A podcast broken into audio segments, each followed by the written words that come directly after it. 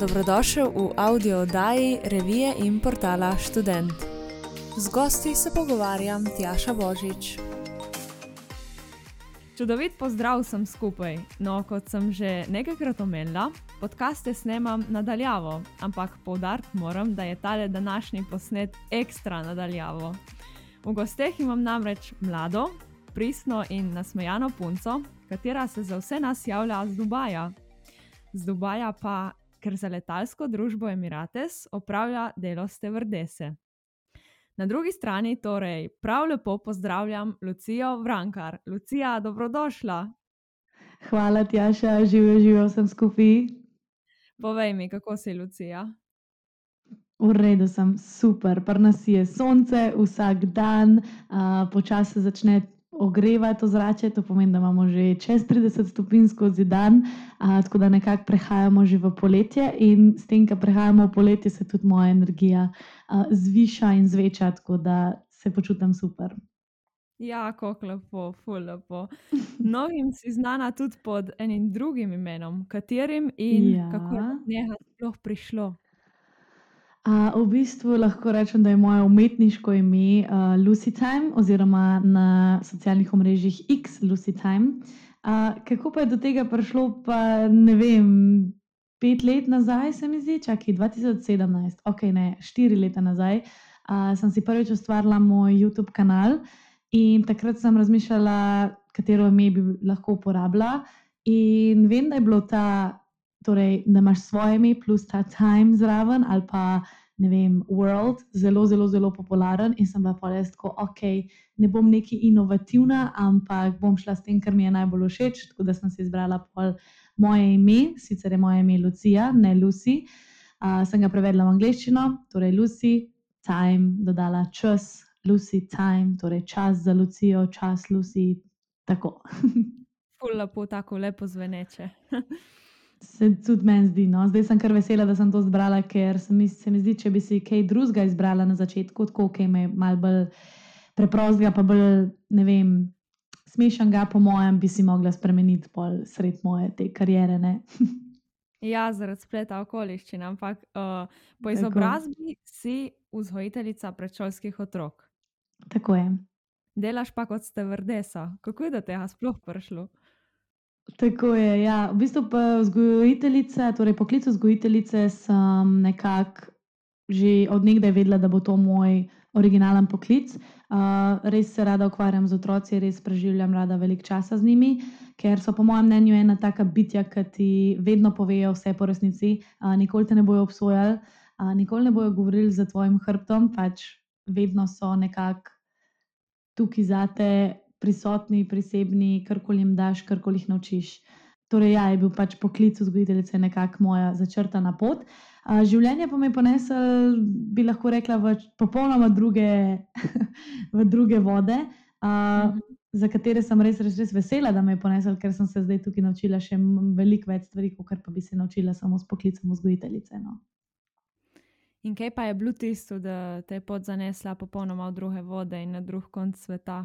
Iskreno je bilo čisto spontano, čisto random. Um, zaključovala sem moj tretji letnik faksa, torej na pedagoški fakulteti v Ljubljani, uh, na kar sem dobila sporočilo od mojega bivšega fanta, da bodo Emirati zaposlovali v Sloveniji.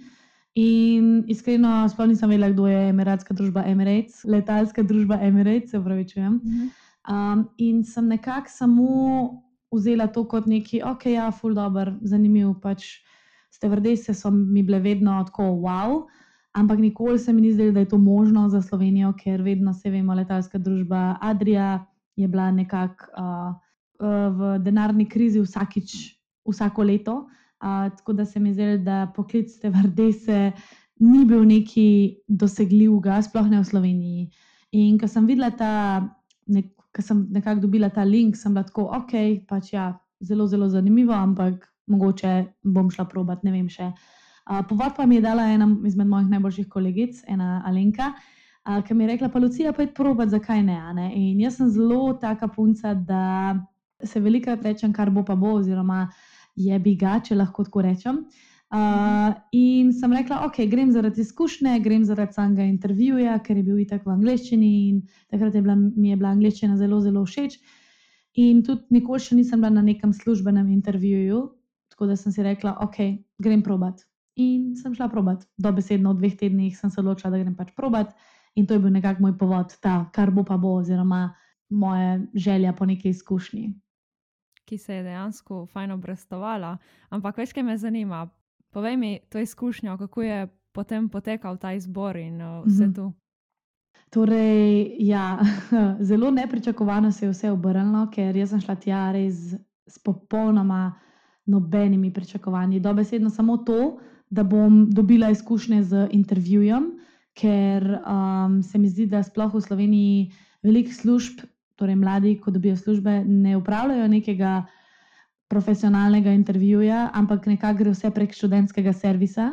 In nekako mhm. prideš tja v službo in te zaposlijo, ti pokažejo, prvi dan imaš uvajanje. Itd. Tukaj je šlo pa res za prav tisto, kot v filmih vidiš, ko se oblečeš, zrihtaš in greš na intervju. Torej, z dvema prijateljicama sem se odpeljala v Maribor, kjer je ta intervju potekal v, v avli nekega, oziroma v sejni sobi nekega hotela. Uh, uh -huh. In ko sem prišla tja, uh, nekako sem si mogla narediti še figico, ker si nisem znala narediti takrat figice, tako da mi je moja prijateljica pri tem pomagala. In pa seveda sem si nanesla tudi rdečo šminko, ker je nekako to zaščitni znak te letalske družbe, za katero sem se prijavila. Um, na to pa sem vstopila v ta hotel, kjer je, nas je bilo tam ogromno, ogromno, ogromno ljudi. Mislim, da nas je bilo okrog 100 kandidatov.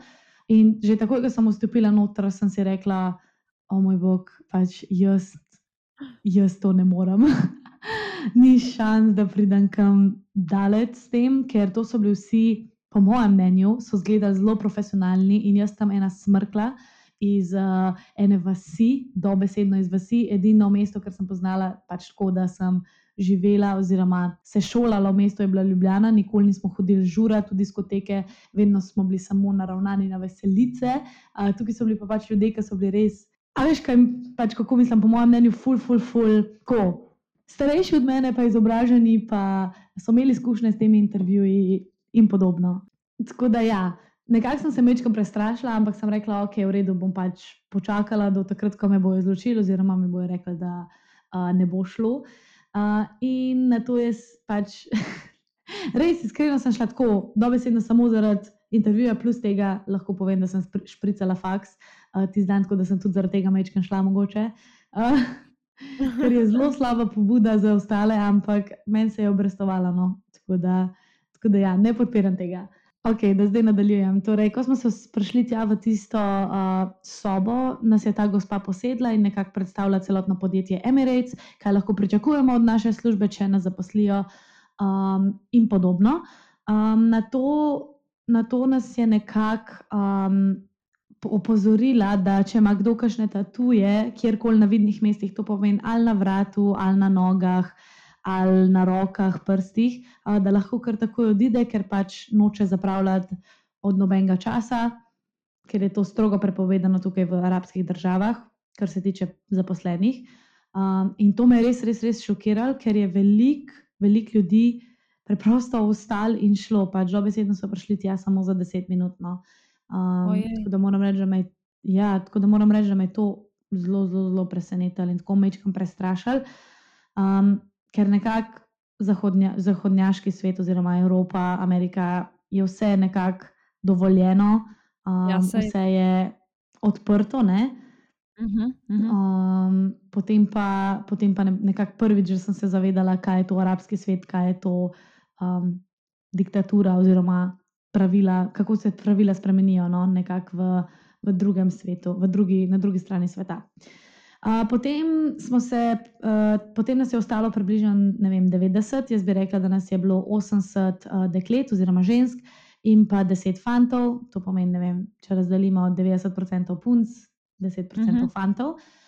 Um, vsak je vzel eno številko in podal svoj CV oziroma življenjepis, ki je bil seveda v angleščini. Uh, jaz sem ga napisala dobesedno dva, dva večera prej, uh, in moram reči, da ga tudi nisem dala nobenemu preveriti, nobenemu nisem dala uh, za preveriti kakšne slovnične napake, tako da še zdaj ne vem, če je bil v redu, ampak očitno je bil v redu. Tako da predlagam za tiste, če se bo kdo odločil, da dejte preveriti življenje pis, ker to je tvoj prvi, prvi vtis o tebi.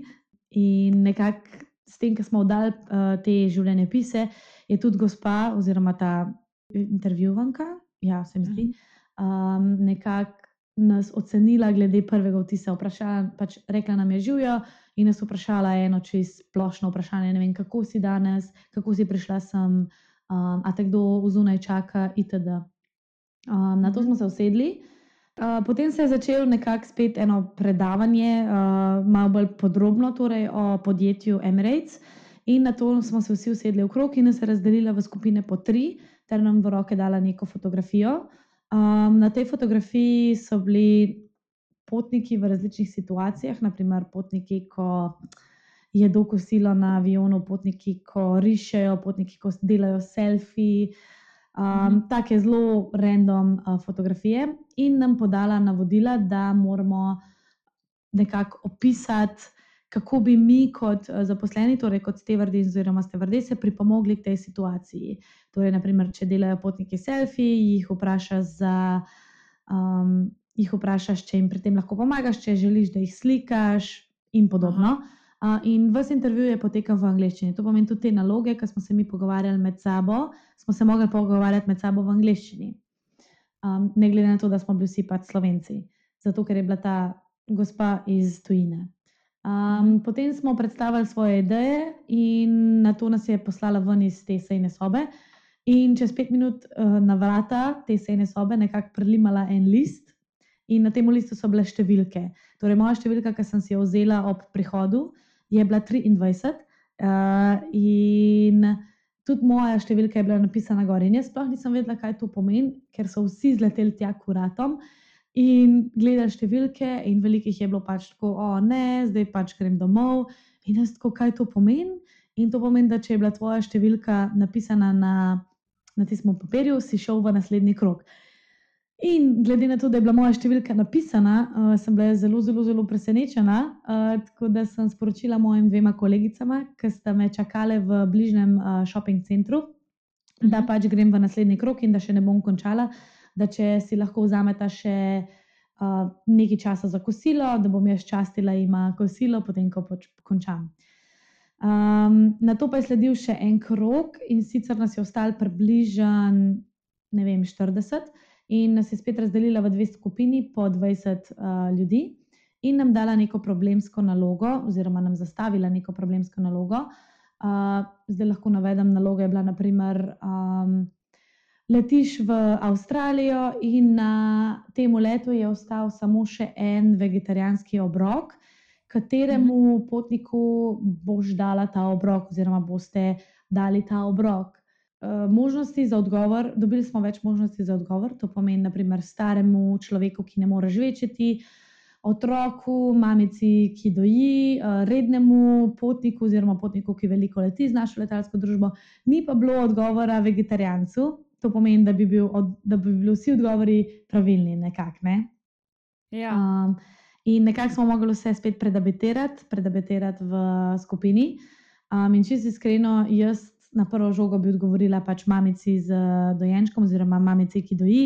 Ker rab veliko vitaminov in mineralov, bla, bla, bla, torej moja vzgojiteljska stran bi rekla, da je ja. prišla na plano.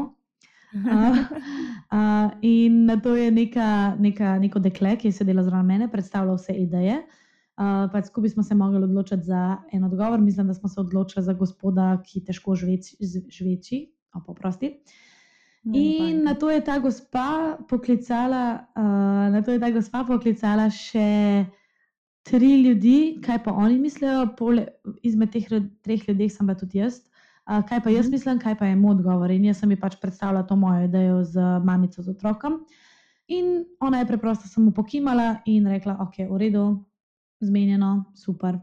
In to je bilo to. Potem smo spet zapustili to sejno sobo in ona je spet prelimala list na vrata. In jaz sem bila 100% napač, da to je to, da zdaj grem domov, ker to je zdaj poteka že ene štiri ure ta um, intervju. -hmm. In potem spet vidim mojo številko na tem papirju, in iskreno sem bila spet presenečena, ker, kot sem že povedala, jaz sem šla res tja samo malo za, mal za hecno. Tako, ja, ja, ja. Za sproščeno, ker sem si moje življenje predstavljala nekako. Končam faks, en let malo bluzim, pišem diplomo, potujem, bum, družina, um, se zaposlim mm -hmm. kot mhm. vzgojiteljica in živim moje pač normalno življenje naprej. Um, torej, na to, zatem nas je ostalo samo še 21, in smo šli spet v to sejno sobo, in na to je sledil nek test, višinski test in pa test, koliko dosežeš z iztegnjenimi rokami, ker oni imajo eno pravilo, da moraš biti za, za njihovo letalsko družbo visok vsaj 160 cm. Ne vem, kako si ti visoka, Tjaša. uh, ja, bi bila, kar se tega tiče, primerno. No, no, vidiš, no, pol ti bi bila primer, ker smo imeli eno dekle, ki je bila visoka 159 cm in so jo odklonili. In um, res mi je bilo hudo za to punco. Um, pač grozno. Mislim, da si predstavljaš, da vse prestaneš in pol nekako nisi dosti visok za eno tako službo. No. Drugi test pa je bil, da si mogel z iztegnjenimi do, rokami doseči 212 cm, uh, kar je nekako logično, ker moraš zapreti uh, te, mi pravimo, overhead storage bin, oziroma tam, kaj daš svojo prtljago, te ja, ja, ja. omare. Lahko rečemo omare. Omare, nad, uh, nad temi sedežijo. Tako. Tako. Um, in seveda to sem tudi predstavila, in na koncu nas je ostalo približno 10 ljudi. In jaz sem bila 100% da bo pač to še en krok, ker je bilo to 3 ure, bila 3 popovdne. Um, na kar ta gospa reče: Čestitam, lahko ste ponosni sami na sebe, uh, prišli ste v finalni, oziroma v finale. Uh, zdaj vas čaka samo še en intervju prek, uh, torej prek uh, videokamere oziroma prek Skypa. In jaz sem pa mhm. kar tako, kaj, kaj, o moj bog, v redu. Uh, iskreno lahko rečem, da sem bila kar mal ponosna na sebe, da sem bila v bistvu med top 10 od 100 slovencev, ki so bili tam. Ker sem šla res, se ti pravi, brez pričakovanj in malo sem se ustrašila, ker sem prišla tja, ker sem videla vse te profesionalne ljudi z ne vem, kako dolgimi inter, uh, temi življenjepisi itd. In poleg tega sem bila jaz tudi najmlajša tam. Um, tudi ta gospa me je sredi intervjuja vprašala, če vem, da sem najmlajša, ker takrat sem bila še, šta, še stara 21 let. Aha. In uh, jaz sem ji pojasnila, da, da nisem vedela, da sem najmlajša, ampak da me to načeloma ne skrbi, uh, ker bom kmalo stara 22. ker to je pa veliko več kot 21. Um, A veš. Uh, Nekako sem se delala, da sem samo zavestna, čeprav se mi je videl, da sem se mečkano strašila, ker so bili vsi drugi pač po 25, mm -hmm. 26 in po mojem mnenju, zdaj ne več, ampak takrat sem mislila, da če si pa 25, pa 26, pa imaš pa res življenje na dlani, pač pa veš, kaj delaš, pa uh, veš, kaj je tvoj namen življenja. Uh, zdaj sem pa tako blizu te, te številke, da še zdaj nimam pojma, kaj bom cel življenje počela. Ne? ne vem, ne vem če smo na istem, ampak vsaj. Višno nas je več takih. V glavnem, uh, zatem sem nekako navdušena odkorakala v ta shopping center in povedala mojim dvema kolegicama.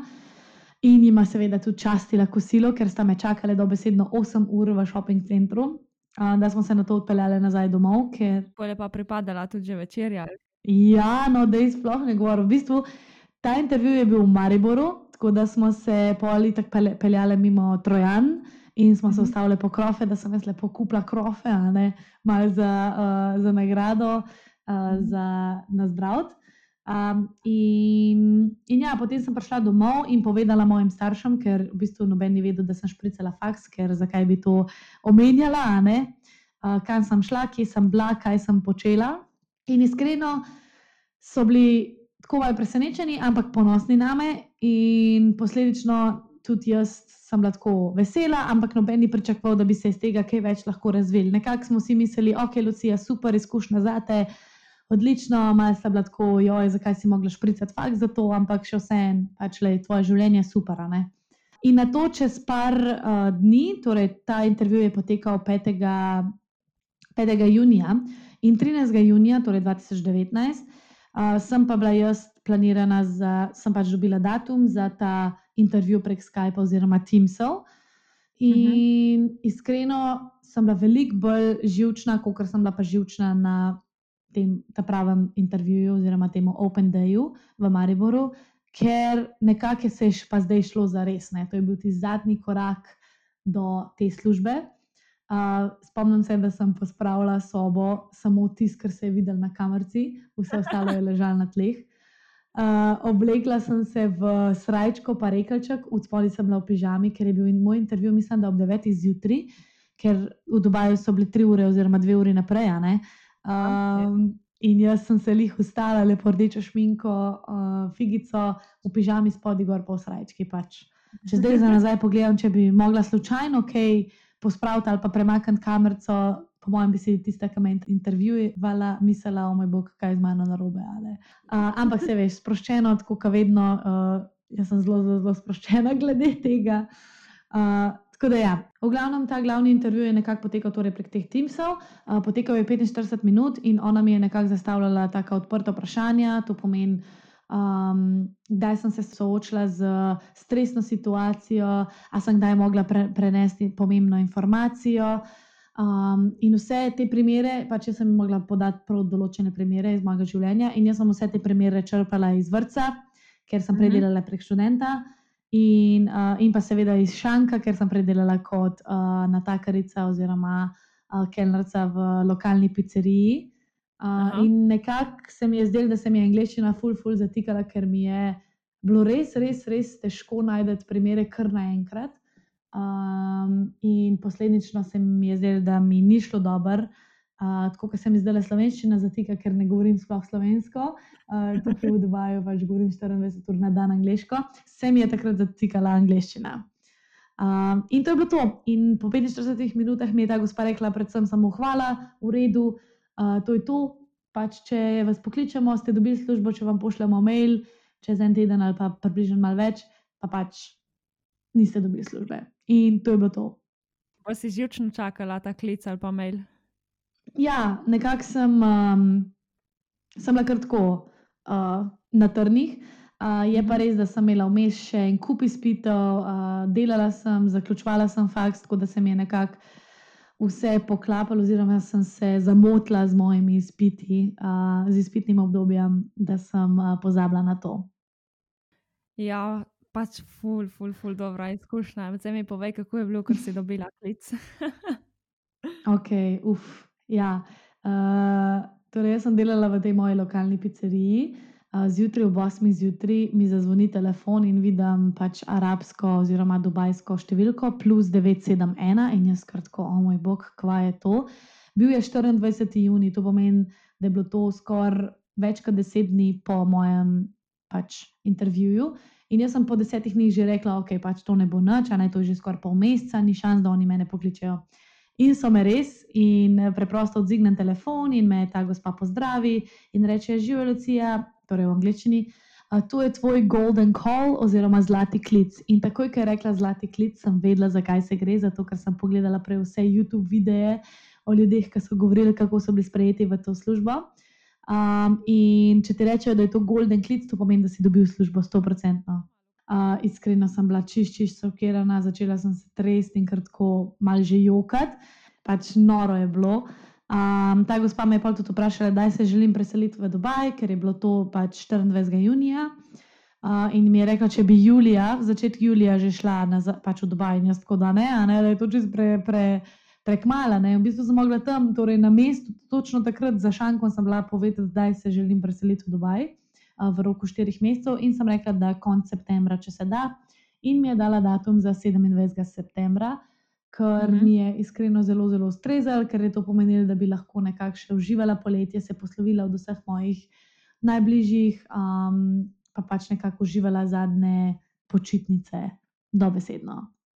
Um, potem, ko sem nehala govoriti po telefonu, sem šla samo v kuhno, torej do mojega picopeka, ki smo skupaj delali tisti dan in se Aha. na polno zjokala, tjaša, veš, kako sem se jokala, zdaj res lahko. Res, prav, prav jok od tega, od veselja, od strahu, od uh, navdušenja, pač tako uh, miks vseh čustev uh, je prišlo ven iz mene. In Uh, iskreno, še zdaj se spomnim, da sem klicala naprej moja mama in pa oče, in naša mama je tako tudi, seveda, v jog. Uh, oče je bil čist presenečen, oziroma smo bili vsi presenečeni in mal šokirani. Um, uh -huh. Pa sem poklicala tudi mojo šefico, pa šefa, in sta prišla v pizzerijo, tako da smo čist tipično slovensko, ne, enega že na zdravo zjutraj, uh, na moj uspeh. Uh, in na to je tudi ona prevzela mojo izmeno, tako da sem šla direkt domov. Uh, tako da sem ji še zdaj hvaležna, Maja, če to poslušaš, res iskrena hvala. um, in ko sem prišla domov, uh, nekako me je moja najboljša prijateljica pričakala s šampancem in nekako vse skupaj povezala, da se je nekako začela veseliti, ker je bil res, res, res tak konkreten šok za moje starše in tudi za me. Nekako sploh nismo praznovali, dokler ni prišla moja najboljša prijateljica s šampancem. Nekako smo se samo pogovarjali o tem, da kako noro, pa kako bo zdaj naprej, pa kaj bo z mojo diplomsko, ker še nisem končala faksa. In tako naprej, mm -hmm. da nas je v bistvu ta moja kolegica nekako ponesla v to um, praznovanje mojega uspeha. Pač kot zakon. Se še vedno spomniš dneva, pol, ko si septembra odhajala v Dubaj? Ja, se spomnim tistega dneva. Bil je zelo čusten dan, da ne vem. No, nekako cel poletje se nekako nisem zavedala, koliko je to en velik korak, ker se mi je zdelo, da je to še del stran. Se veš, kaj pravimo, ah, se še tri mesece, tri mesece, pa mine tako v čustvu, da se sploh ne zaveš. Vmes um, sem tudi pisala mojo diplomsko nalogo, uh, pa sem tudi diplomirala en teden, preden sem šla. Tako da hvala Bogu, da me oči spodbujajo pri tem, oziroma nekako skozi nečkam bezolucija, da je diplomiri, da je diplomiri, uh, ker zdaj ne bi, iskreno ne bi šla zdaj nazaj delati diplomske naloge.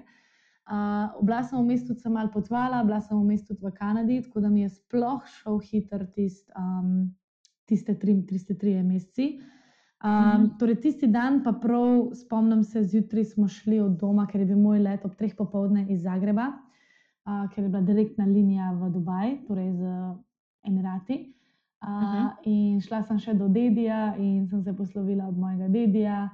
Uh, noro, pač res, da mi gre kar na jog, skoraj. Uh, uh, ki je bilo pač tako, en tak korak v življenju sem naredila, ker si nikoli nisem mislila, da ga bom naredila tako hiter. To pomeni pač pri 22 letih, plus uh mhm. -huh. da bo to velik korak. Pač jaz sem vedno mislila, da bo moj prvi korak, da se odselim stran od doma, ne vem, v, pač, v en štuk višji, da si preuredim. En štuk pa nas doma, ali pa da grem v stanovanje, v najem, v sosednjo vas. A, a veš, kaj mislim? Ja, itak, pač, itak. Da bo ta korak bo prišel, ampak sem uh -huh. si mhm. predstavljala, da bo pri 25 letih, pa da bo to blizu, ne pa pri 22, pa na drugo stran sveta. Tako da mi je res iskreno, pač ti dan je bil tako čustven, da se ga spomnim, ampak nekako sem ga tudi komajčkom potlačila, ker je bilo zelo, zelo, zelo psihično naporno za me in za vse moje domače. Um, na letališču se prav spomnim v Zagrebu, da so tiste stopnice, tekoče stopnice, ki grejo tako gor v, na terminal, pa ki gre mhm. že čas ta security. In jaz se poslovim od moje mame v očija, se stisnemo. In takrat sem bila še čisto redo, tako brez sov, sem jaz njiju tu lažila. In pol sam, da smo šli gor tako po stopnicah in ki jih nisem videla več, pa je tako jok, takoj. Um, nekako sem se delala močno za njiju, da ne bi ona dva pol bila še bolj žalostna. Ja. In potem si se pač si prišla v Dubaj in povej mi, si se Dubaja hitro navadila. Uh, tako, ja, moram reči, da me je naprej kar malo tako prizemljil, oziroma sem doživela en tak kulturni šok, ker se mi zdi, da Slovenija je tako kot eno zavetje, en mehurček, en balonček, uh, vsi smo isti, uh, noben ga tako neki ful, ne vem. Um, kriminala, ni neki veliko mesto, ni neki zdaj, da bi bili, ne vem, da bi bilo, da bi bilo kaj tujega. Pač vse je nekako domače. Tudi če greš ti v eno, tuj, v eno tuje mesto v Sloveniji, oziroma večje mesto, še vseeno vsi mhm. govorijo tvoj jezik, še vseeno je tvoja kultura. Um, tukaj je bilo pa res pač tisto, o moj bog, jaz sem tukaj skoraj dina slovenka. A, ve, a veš, kaj mislim? Ja, ker je feeling. Ja.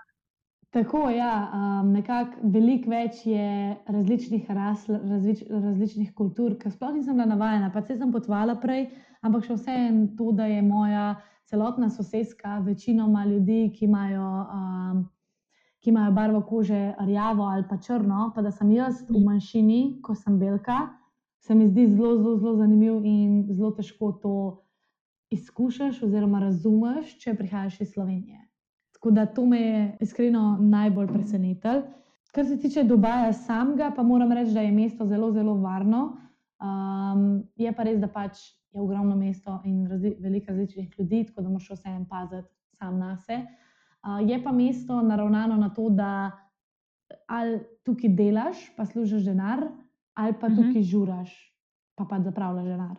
Uh, ni tako nekako usklajeno, da kot naprimer mesto v Sloveniji oziroma življenje v Sloveniji je predvsem tako, da delaš, zaslužiš denar, se kaj prvoščaš, uživaš v življenju, si gradiš družino itd. itd.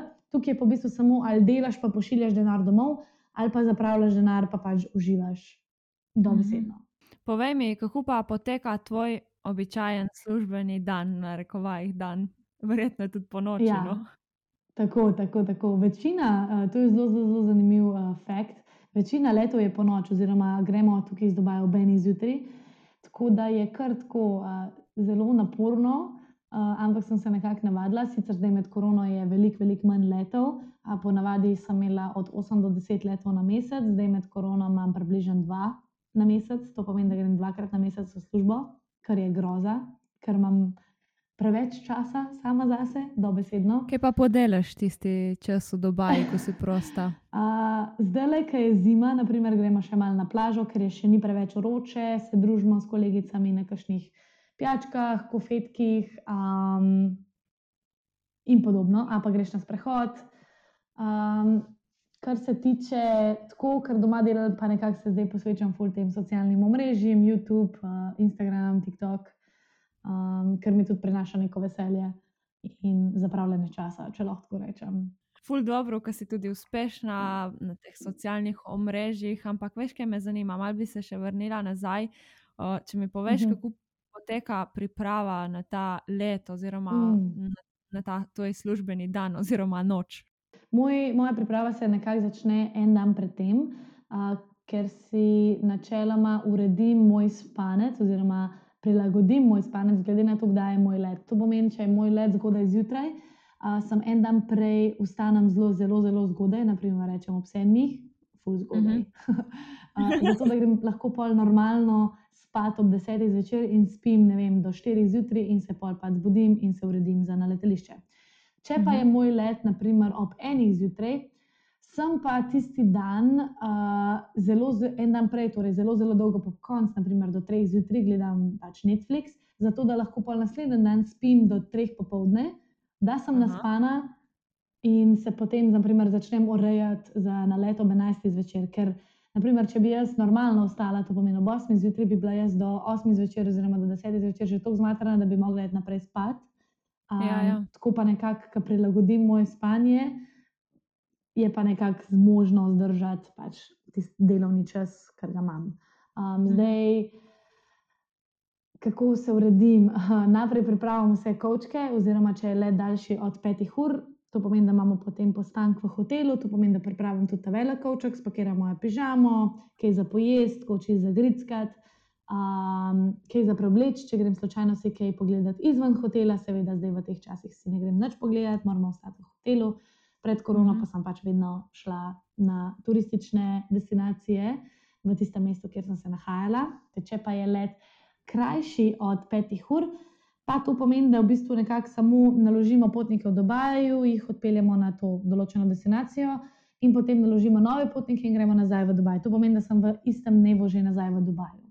Uh, in v tem primeru spakiram samo ročno prtljago, kar pomeni uh, make-up, ali to, da si ga popravim malo na letih, uh, mojo flaško za vodo, spakiram si tudi vedno mojo šalčko za kavico, ker si rada nalijam uh, kavo v šalčko. Um, ker tisti, ki me kaj spremljate, pa veste, da jaz pa kava, to greva z roko v roki, uh, posod. um, tako da, ja. potem pa seveda se našminkam, naličim, uh, uredim, stuširam pred letom, vedno, ker se, da se ne bi stuširala, se počutim tako, kot da greš, ne vem, zvečer spati, brez da se stoširam. Potem si preberem vse varnostne postopke za, določen leta, za določeno znamko letala, s katero letim, ker letimo z dvema različnima letaloma, to pomeni Boeing 777 in pa Airbus uh, 380, uh, za tiste, ki se kaj spoznate. Če se kdo kaj spozna, eden je eno nadstropen avion, ki sprejme približno 400 ljudi, drugi pa je dvonadstropen avion, ki sprejme približno 600 potnikov kar je ekstra velik. um, a si predstavljaš 600 ljudi? No? Jaz sploh nisem mogla verjeti. Niti ne, no. K, um, tako da ja. To je to, zdaj, če nadaljujem, uh, potem uh, se odpravim na letališče, imam služben avtobus, ki me prebe, pobere pred mojim stanovanjskim kompleksom, me odpelje na letališče in tam se zberemo v neki sejni sobi z ostalimi zaposlenimi za tisti let um, pilotom, kopilotom in se nekako začnemo pogovarjati o vseh, um, o vseh posebnostih tega leta. To pomeni, koliko časa bo trajal let, na koliko metrov višine bomo leteli, um, ali imamo kakšne posebne goste na letu, oziroma kakšne potnike, ki potujejo brez staršev, otroci. Ali pa uh mhm. -huh. kakšne potnike s posebnimi potrebami, potnike z posebnimi zdravstvenimi potrebami. Uh, pogovorimo se tudi o tem, če pričakujemo kaj turbulence, ker uh, Načeloma se v velik turbulenc, oziroma skoraj večina turbulenc, se da predvideti. To pomeni, da dobimo točno uro. To pomeni, da pilot reče, um, dve uri v let bomo imeli turbulenco, tako da dajte narediti uh, torej service oziroma uh, to, kar strežemo prej. Probite biti uh -huh. čim hitrejši, pa pač pol zavarujte kabino. To pomeni, da so vsi preve, prevezani, vse je pač pospravljeno dol iz uh, poličk, tam, kuhamo, um, uh -huh. da ne pride do česar koli potem se vsi odpravimo na letališče. Ko pridemo na, na avion, seveda pregledamo vso opremo, vse kisikove bombe, vse gasilne aparate, če, vse, če ima vse roko porabe, če je pač bilo uporabljeno, če ni bilo uporabljeno, in podobno. Uh -huh. In mhm. na to sprejmemo potnike. In se začne let, zdaj, če letimo v Avstralijo, je let, naprimer, dolg 13 ur. Ne vem, če si že bila kdaj na takšnem letu. Nisem bila. Ne, najdaljši let, kar sem ga delala, oziroma kar ga tudi imamo, je 17 ur v Novo Zelandijo, torej v Auckland. Jo, pač to je ogromno. Ja, 17 ur je bilo res, je res ekstra. Jaz, meni se potniki smilijo, pač jaz imam del, meni je, men je delo, meni čas mine. Ne? Ampak ja. potniki, ki pa imajo dobesedno samo un sedež tam, um, je pa kar zelo, zelo, zelo naporno. Zdaj, ne vem, če veliko ljudi ve, ampak če so leti tako dolgi, imamo mi kot stevrdi oziroma stevrdese tudi čas za počitek.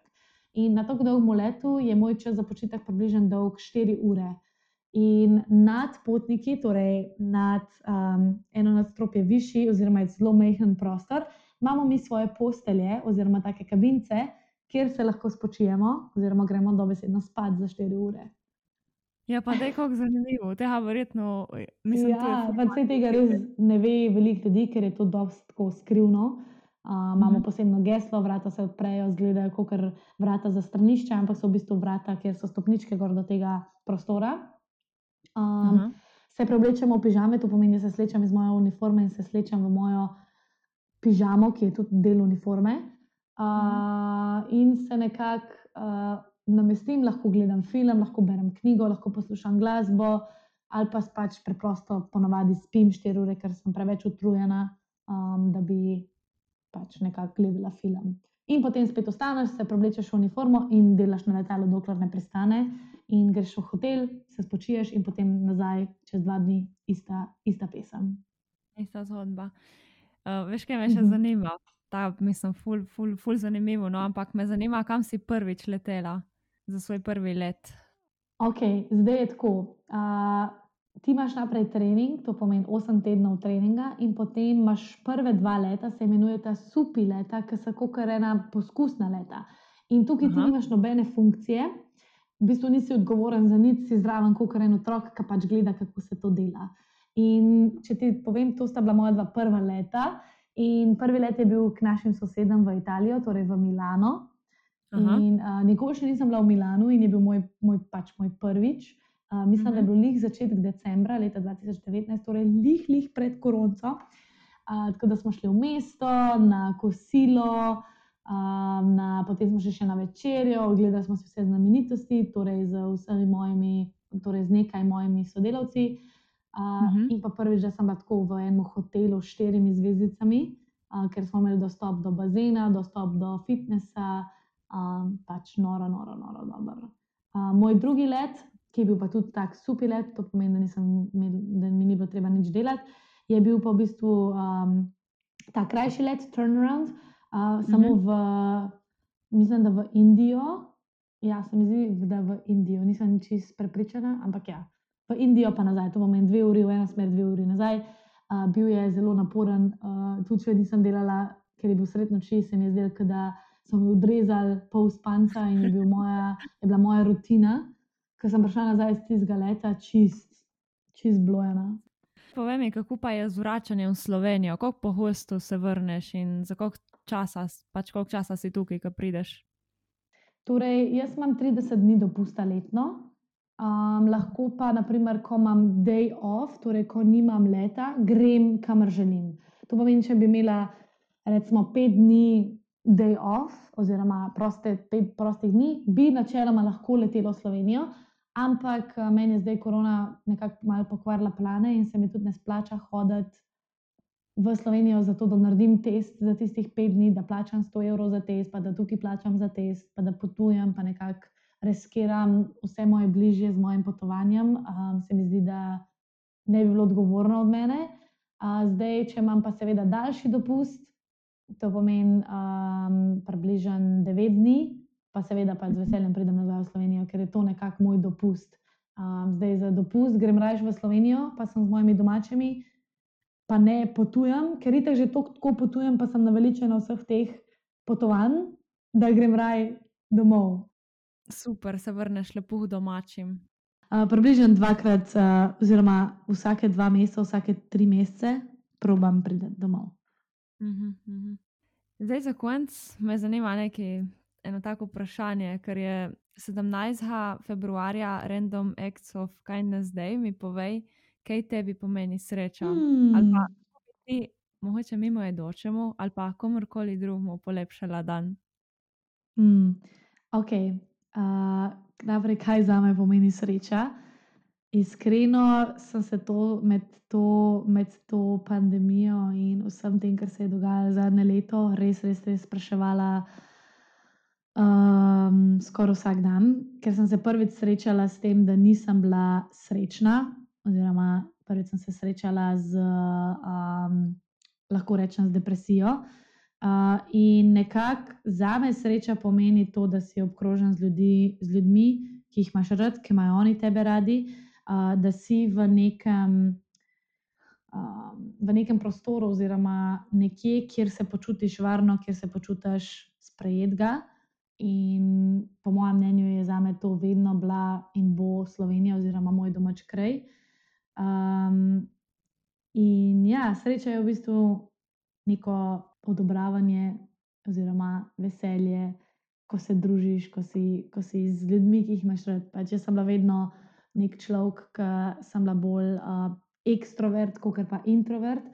Um, Mhm. In um, nekako, da, da, da sem jaz srečna, rabim ljudi. To pomeni, rabim, rabim prijatelje, rabim dotik, rabim um, komunikacijo. Um, tako da to je po mojem mnenju sreča, vsaj pač pri meni. Mhm, mhm. Ja, se si fula povedala. Kar se pa tiče tega uh, random act of kindness, uh, pa probujem to nekako vsak dan, oziroma tako skoraj nezavedno, ker se mi zdi, da se čist premalo podpiramo med sabo, uh, sploh dekleta. Uh, vem, da zdaj sem si rekla, da vsakeč, ko bom videla eno dekle ali pa enega fanta, ki bo imel dober stil oblačenja, da ga bom Mhm. pohvalila, ker ne vem, zakaj ne bi pač pohvalili na cesti, naprimer, če srečaš nekoga, ki se res, ki si rečeš, oh, wow, hudo, ali kako dober stil. Ampak nikoli ne, poh, ne, ne pohvalimo. Sploh v Sloveniji se mi zdi, da je to kar tako, da bi kar do enega pristopil in rekel, hej, ful imaš dober stil, ali pa ne vem, ful imaš dober vibe, da je super, super, kar tako naprej. Se mi zdi, da je zelo tako ne tako popularno, kot kar druge. No? Um, tako da sem si zdaj rekla, da brez zadržkov bom pohvalila pač vsakega tistega, ki se mi zdi, da je vreden pohvale. Um, tako da ja. Mislim, vsak izmed nas rad prejme pohvalo in zaradi tega je tudi lepo, da jo zna tudi dati drugmu.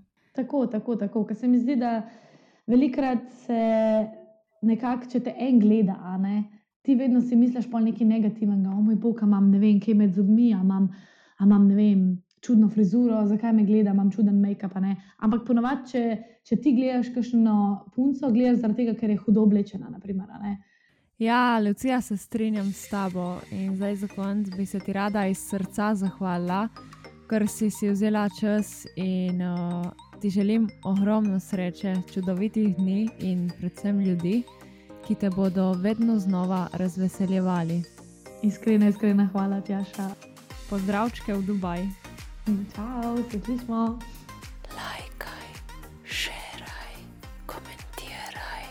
In nam povej, kaj bi rad slišal v prihodnih audio oddajah.